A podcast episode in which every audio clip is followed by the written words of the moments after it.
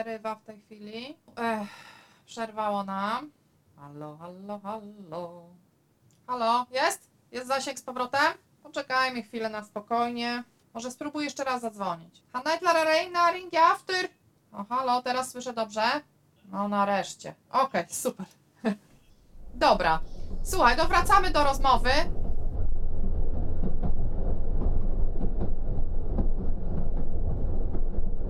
Dobrze, gdzie znajdujesz się, powiedz nam? Obecnie w pociągu relacji Kobryk e, Warszawa. Witam w audycji Wyspa. Jest to program, w którym omawiamy, co się dzieje na Islandii i o tym, dlaczego powinno nam na tym zależeć. Nazywam się Margaret Adamsdottir, jestem reporterem wiadomości w telewizorów i jestem autorem tego programu. Dziś nagrałam jeden z najbardziej spontanicznych odcinków Wyspy. Od kilku dni chciałam złapać rozmówcę, o którym dowiedziałam się we wrześniu od słuchacza, gdy umieściłam na Facebooku post z zapytaniem, kogo chcielibyście usłyszeć. Od kilku miesięcy śledzę jego bloga i media społecznościowe i nie udało się do dziś dzień zorganizować rozmowy. Bardzo chciałam jednak, aby pojawił się wyspie jeszcze przed świętami. Gość audycji jest bowiem bardzo pozytywną osobą, której przyjemnie i dobrze jest słuchać. Wczoraj umówiliśmy się wreszcie na rozmowę, ale różnica czasu sprawiła, że się minęliśmy. I potem jedyną możliwą opcją stało się nagranie rozmowy podczas jego podróży. Dzisiejszym gościem jest Dawid Siódmak, absolwent Akademii Wychowania Fizycznego i Uniwersytetu Adama Mickiewicza w Poznaniu. Studiował turystykę i rekreację, a teraz jest podróżnikiem. Prowadzi portal Siódmy w świecie, na którym opowiada o swoich przygodach i podróżach. Jego ulubione miejsca to kolorowe góry w Landmannalaugar, widok z wyspy Koh Adang na wyspę Koh Lipe w Tajlandii i punkt widokowy przy jaskiniach Hunang Mua w Wietnamie.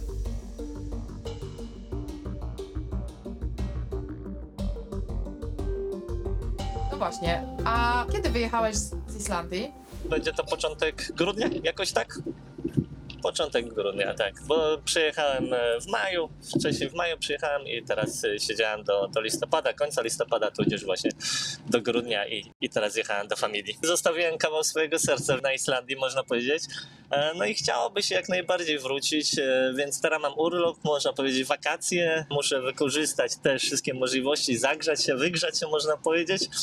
Wykorzystać gdzieś inne rejony świata, żeby naładować baterie na kolejny sezon, na kolejny czas spędzony właśnie na Islandii w tym kierunku, więc to jest fantastyczne, że fajnie wrócić tam w te rejony świata, właśnie pod Hof też mieszkam właśnie, Hop, to no też mam cisza, spokój, z dala jakby od Reykjaviku, od dużych miast i, i to jest ta przestrzeń ogromna, która jest wyjątkowa na Islandii. Chciałem się ciebie zapytać o twój sposób życia, bo prowadzisz e, bloga Siódmy w świecie.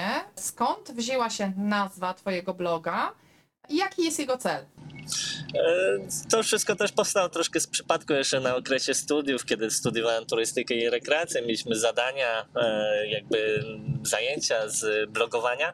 No i pani e, tutaj profesor pomogła mi, pomagała nam tu tworzyć jakiś pomysł, konspekt na, na to wszystko. No i siódmy świecie, siódmy od mojego nazwiska Dawid Siódmiak.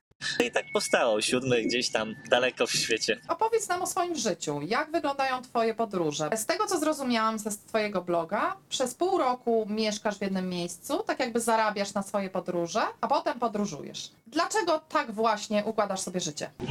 No bo warto czasem żyć poza schematem. Nie trzeba iść jak wszyscy w jednym da, danym schemacie. No i właśnie to jest ta recepcja, że recepta, że kiedyś e, właśnie szukałem swojego miejsca na ziemi, chciałem być pilotem wycieczek. E, To było moje marzenie zaraz po studiach i faktycznie doszło do tego, że pilotowałem te wycieczki, a potem się okazało, że no przyszedł ten nieszczęsny koronawirus, podróże zamknięto, e, nie można było nigdzie podróżować. E, Moje drugie jakby doświadczenia w CV są gastronomia, pracowałem jako chociażby kelner czy szef kuchni, no i potem chwila później, miesiąc później gastronomię zamknęli chociażby w Polsce, więc byłem taki bez, bez totalnie planu i pomysłu na siebie. No i potem zaczęły się pierwsze wyjazdy za granicę, to do Niemiec, to do Włoch, potem we Francji, w różnych jakby sferach tutaj pracowałem, a finalnie jakoś tak mnie los zaprowadził. Tutaj dużo znajomych mnie zachęcało do tej Islandii. No i spróbowałem podjąć tą tę rękawicę, tutaj zobaczyć, jak to życie na Islandii wygląda.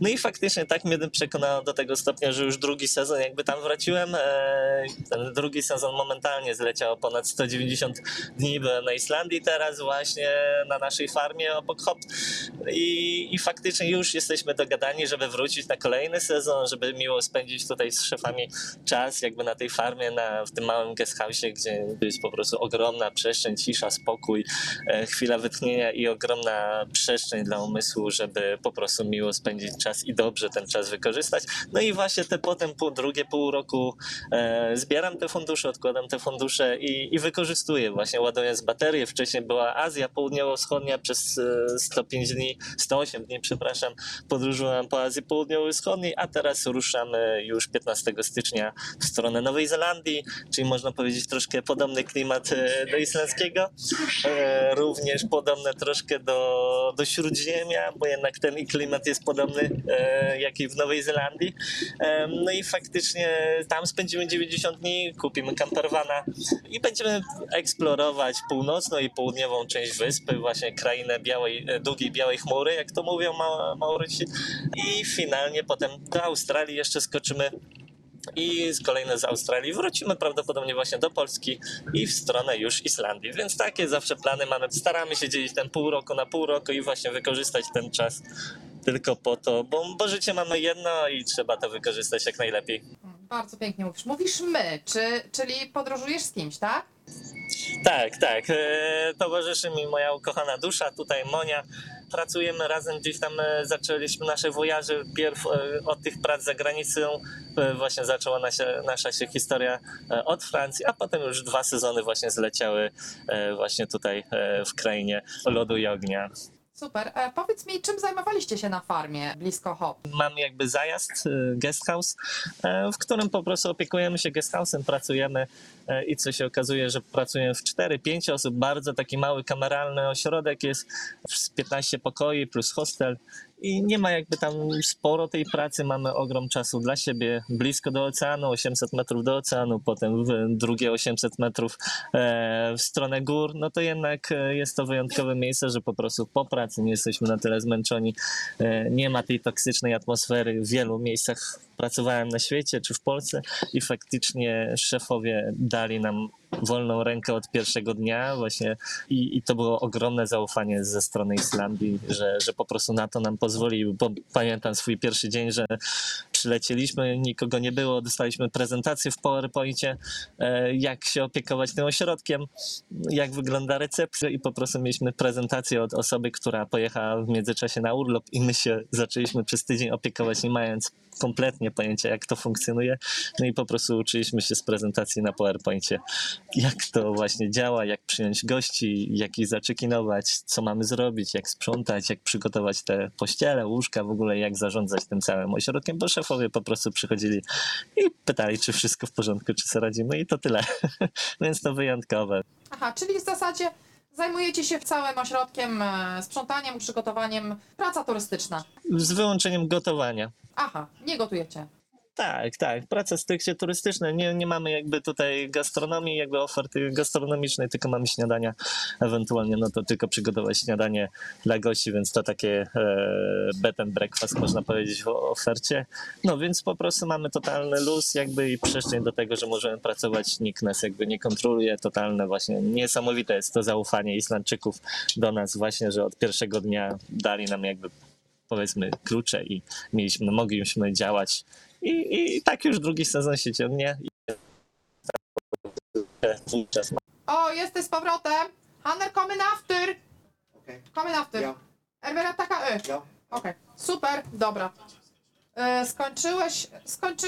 Nie, wiesz co? Chyba, chyba wszystko już odpowiedziałaś mi na temat tego, co robicie w HOP. Dobra, kolejne pytanie. Zauważyłam, że twoja historia dostała się do polskich mediów i, i różne były głosy, dużo było dyskusji na temat tego właśnie, jak jesteś w stanie zarobić tyle kasy w pół roku Najróżniejsze komentarze widziałam. Niektóre bardzo, bardzo fajne, wspierające i inspirujące. Mnóstwo trolli. Jak reagujesz na coś takiego? Na takie podzielenie zdań na, na temat tego, co jest twoim życiem? To jest właśnie w, w sensie trzeba po prostu doświadczyć tego wszystkiego i z, dopiero człowiek zrozumie tak naprawdę. Jeśli ktoś wyjeżdżał za granicę, to też mniej więcej będzie wiedział o co chodzi, ale też dużo osób myśli gdzieś tak schematycznie, stereotypowo, że jeśli ja robię coś swojego w teorii tak samo wyjechałem za granicę, zarabiam pieniądze tylko przez to, że jednak mam zakwaterowanie za darmo, tudzież częściowe wyżywienie, którym w ogóle nie mam wtedy jakby kosztów życia, jeśli chodzi o Islandię, e, więc to jest wyjątkowe. E, I, I to jest właśnie ten problem, że ludzie myślą, że dużo mnie niby odciągają od tej pensji, że dużo jednak tracę na tym wszystkim, że zarabiam najniższą krajową, a koniec końców e, nie zarabiam w teorii nawet najniższej krajowej, a też e, właściciele nie obciążają mnie kosztami za nocleg czy za wyżywienie.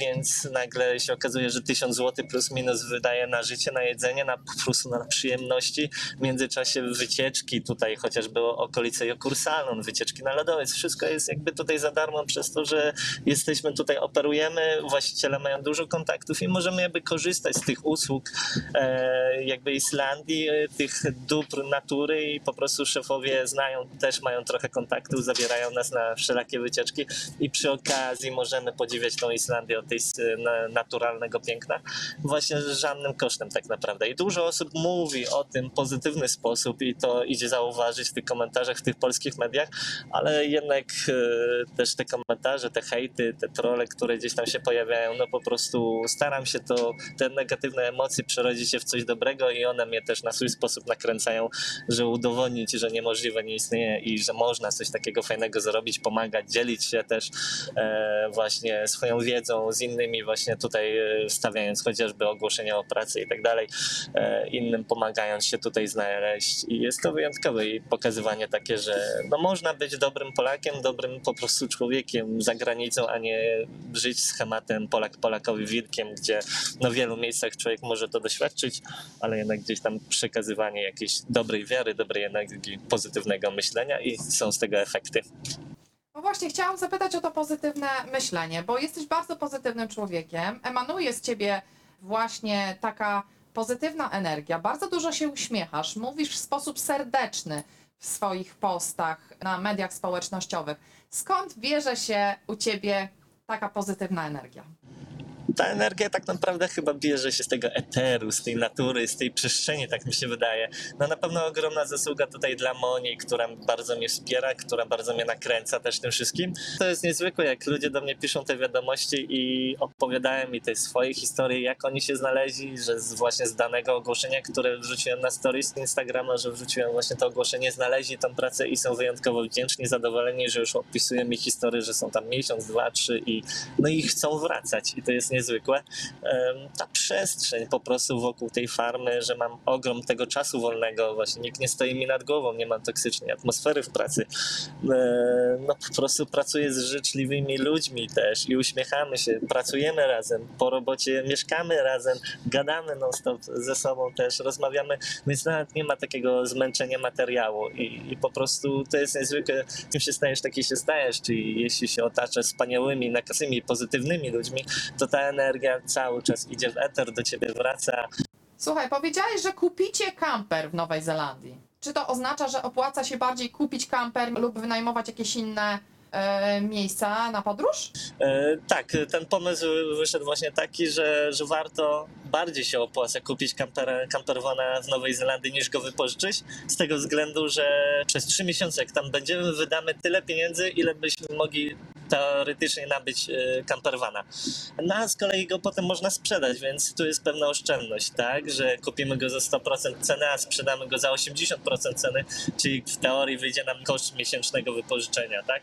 A tak byśmy zapłacili za 3 miesiące, więc no, no są te możliwości. Nowa Zelandia jest na swój sposób droga też jednak, ale z drugiej strony właśnie ten kamper po Islandii, no super to przejechać po prostu e, gdzieś tam tym samochodem, e, poczuć ten klimat no właśnie tej natury, zatrzymać się, odetchnąć, poczuć ten klimat właśnie tej Nowej Zelandii właśnie w ten sposób i dlatego taki poszedł pomysł, e, więc przez te 90 dni będziemy jechać campervanem. Mam nadzieję, że uda się to wszystko sprawnie kupić, bo też nawet te warunki kupienia auta nie są dość e, trudne, skomplikowane, nawet dość przyjazne można powiedzieć. E, No i w Australii będziemy niecały miesiąc, więc tam dopiero skupimy się na wypożyczeniu, bo właśnie jest ten efekt, że jak się jedzie na więcej niż miesiąc, to się opłaca bardziej kupić ten samochód e, campervana niż, niż go wypożyczać, nie? Jak długo zajmuje ci planowanie tych twoich podróży? Czasem przypadkowo, spontanicznie, czasem jeden dzień miała być pierwotnie Australia, potem Monia mnie przekonała właśnie do Nowej- Nowej Zelandii. Ja też właśnie uwielbiam Nową Zelandię i tak od słowa do słowa plany się totalnie wymieszały. E, No ale też są te po- spontaniczne plany. Właśnie to jest fantastyczne, że nie mam jakby tutaj problemów. Rzuciłem hasło i zabrałem mamę tutaj do Włoch kolejny raz. E, Nigdy nie, nie podróżowałem jakoś daleko w świat, więc y, ledwo co jakby z Islandii wróciłem w Warszawie, tylko przepakowanie się mama dojechała do Warszawy również. No i pojechaliśmy na 9 dni do, do Włoch i, i posmakowała tego trochę innego życia w tym świecie, więc y, im już częściej się podróżuje, im dalej, im dłużej, to tak po prostu swobodnie przychodzi i łatwiej. Tym łatwiej. Teraz słyszę dobrze. Halo, halo, powiedz coś. Halo, halo. Halo, halo. Teraz nie przerywa. Halo, halo, halo. Halo, halo, halo.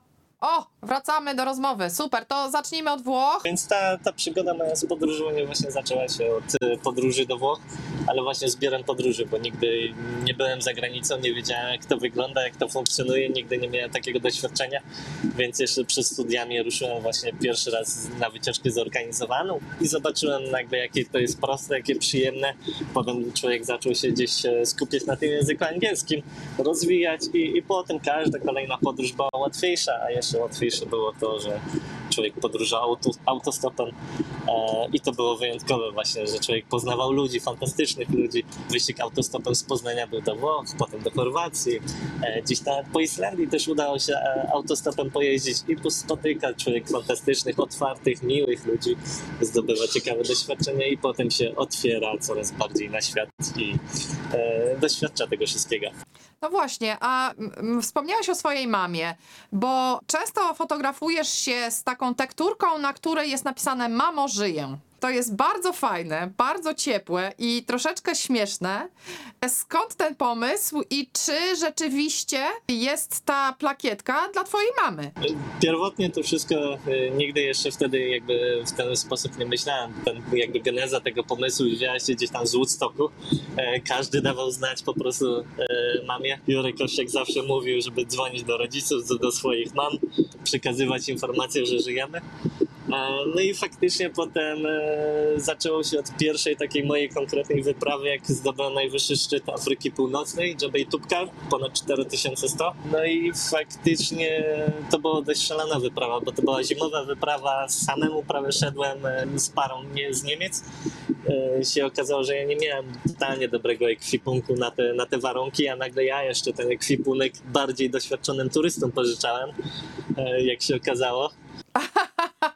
E, Więc to było szalone, że oni byli bardziej zmarznięci, zziebnięci, rękawiczki miałem nawet w zapasie i im pożyczałem, a oni mieli znacznie lepszy sprzęt ode mnie i widać lepsze doświadczenie. No ale faktycznie zdobyłem ten czterotysięcznik i, i właśnie w schronisku, jak już e, dotarłem do schroniska, stworzyłem tą tekturkę pierwotną. No i pomyślałem, że jak już o trzeciej rano tam wychodziliśmy na ten atak szczytowy, no to faktycznie fajnie byłoby po prostu przekazać mamie tą wiadomość, bo nie miałem trzy dni zasięgu i potem złapałem ten internet, ten zasięg, więc po prostu mamie zdjęcie wysłałem i no, wyszedłem z założenia, że e, obraz wyraża więcej niż tysiąc słów. E, więc to jest niezwykłe i magiczne na swój sposób. Czy od tamtej pory zawsze się fotografujesz z tą plakietką? Każda kolejna podróż po prostu była niezwykła przygoda też e, i niezwykłe doświadczenie i po prostu staram się dać mamie właśnie znać w ten sposób, właśnie wysyłając jej zdjęcia, żeby po prostu się nie martwiła, no bo jak każda mama myślę i, i do tego trzeba dojrzeć też chyba, że mama zawsze się martwi, zawsze te noce nieprzespane będzie i pamiętam, że potem pojechałem do Indii, czy gdzieś jeszcze w inne krańce świata właśnie, czy do Meksyku, czy do Azji, no po prostu mama się martwi, mama myśli, że, że to jest gdzieś w pobliżu, gdzieś obok Polski, e, gdzieś w Europie, a to nagle się okazuje, że to jest koniec świata. Aha, czyli ona nie do końca zawsze wie, gdzie ty jesteś, tak? W sensie wiem, jakie już wytłumaczę, bo już lokalizację też ma moją nawet, żeby się nie martwiła i żeby mogła podglądać mnie na lokalizatorze e, na Google Map, że gdzie syn się znajduje, gdzie, żeby miała jakoś tam kontrolę i swobodę, ale przynajmniej wtedy ona sobie sprawdza, gdzie ja jestem, e, ciekawe miejsca sobie odkrywa i ona nawet podróżuje nawet ze mną, przeklikując jakby te ciekawe na przykład miejsca, które są w pobliżu i ona mówi, o, tam jest ciekawe miejsce, tam jest ciekawe miejsce i ona czasem jest bardziej na bieżąco niż ja. Bardzo fajnie. Uważam, że w taki sposób promujesz właśnie taką postawę, że, żeby jednak e, utrzymywać ten kontakt z naszymi rodzicami. E, bardzo mi się to podoba. Tak, tak. Jest to niezwykle ważne, tym bardziej sam mam tylko mamę, więc y, wydaje mi się, że rodziców mamy tylko jednych, jedynych e, i trzeba ten czas wykorzystać jak najlepiej i my- myślę właśnie, że fajnie promować po prostu. Każdy młodszy czy starszy poczuwał się, żeby po prostu mamie dać znać, bo, bo jak to nasze mamy kochane lubią się martwić i nie ma nic z tym dziecinnego, złego i tak dalej. Trzeba się wczuć i poczuć ten klimat, tą... No kiedyś e, pewnie każdy z nas będzie rodzicem i każdy gdzieś tam się martwi o swoje dzieci i tak dalej. No, są różne historie, ale no warto po prostu dać znać, jak się daj znać, jak dojedziesz, jak to zawsze to takie hasło towarzyszy człowiekowi. Jezu, ale kosmos mamy. E, powiedzmy, na czym mnie uciło. Jakie plany na święta masz? E, Plany e, tutaj, żeby pomóc e, w domku. Akurat tak, e, no jak to na święta, mam więcej czasu wolnego, więc po prostu czas spędzam z rodziną. E, Mimo, że chwilę do Warszawy jadę z Monią się spotkać, e, podziałać tutaj właśnie z, dalej z motywami Islandii, ale jakby tutaj do końca roku będę tutaj z mamą, jakby w domu na kołobrzeskich rejonach ten czas spędzał, żeby właśnie nie tyle co nadrobić tego czasu, ale jakoś dobrze go spożytkować właśnie wspólnie z rodziną, mimo że właśnie wyjeżdżam potem pół roku gdzieś tam powiedzmy na Islandii, pół roku gdzieś tam tych wakacji, to żeby jednak mimo to dobrze go wykorzystać i e, jak to człowiek z urlopu przyjeżdża, to zawsze mama jakąś robotę znajdzie i, i trzeba jej pomóc. Lato spędzisz z nami na wyspie. Tak, tak jest, bo już lato jest wyjątkowe na Islandii, więc można spokojnie wracać z naładowanymi bateriami. Bardzo serdecznie dziękuję Ci, że e, dałeś się namówić na e, zwariowaną rozmowę w pociągu. Pomiędzy jednym miejscem a drugim, ale myślę, że to fajnie się e, komponuje z Twoją spontanicznością, także bardzo, bardzo serdecznie Ci dziękuję. Czy chciałbyś coś powiedzieć e, naszym słuchaczom na koniec? Chciałbym serdecznie e, na pewno pozdrowić tych wszystkich słuchaczy, na pewno życzyć im tej e, odwagi, ale przede wszystkim tej pozytywnej energii, żebyśmy się nakręcali po prostu pozytywną energią wzajemnie, nie dołowali. Żyjemy tylko raz, moje życie mamy tylko jedno i warto wykorzystać to życie jak najlepiej, żeby nie iść tym utartym schematem, nie słuchać innych, tylko słuchać swojego głosu, swojego serca i dążyć za marzeniami, bo tak trzeba żyć. Dzięki pięknie, wszystkiego dobrego.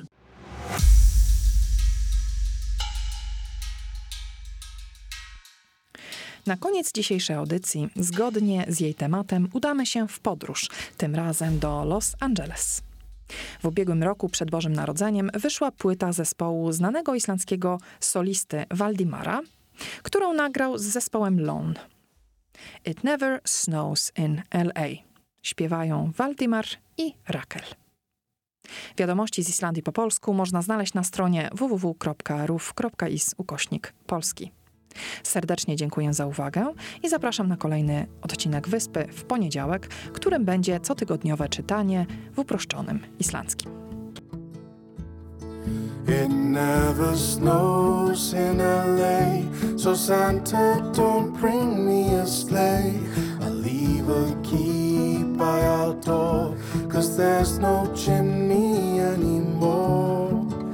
Remember where you are. You better bring your car.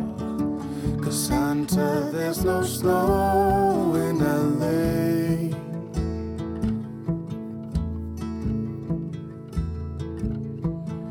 When Christmas comes, it's gonna be a little strange to me.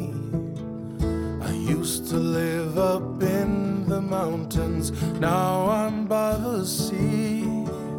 I wonder if old Santa knows my family's moved away. I'd feel much better if I wrote him a letter. Here is what I'd say It never snows in LA. So, Santa, don't bring me a sleigh. I'll leave a key by our door. Cause there's no chimney anymore. Remember where you are. You better bring your car. Cause Santa, there's no snow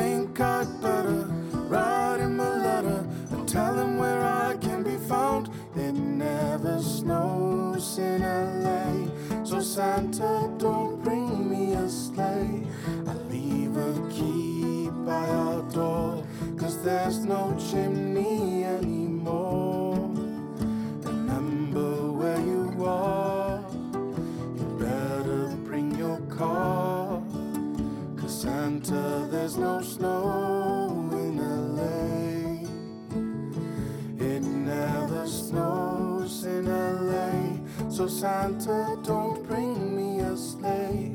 I'll leave a key by our door. Cause there's no chimney anymore. Remember where you are. You better bring your car. Cause Santa, there's no snow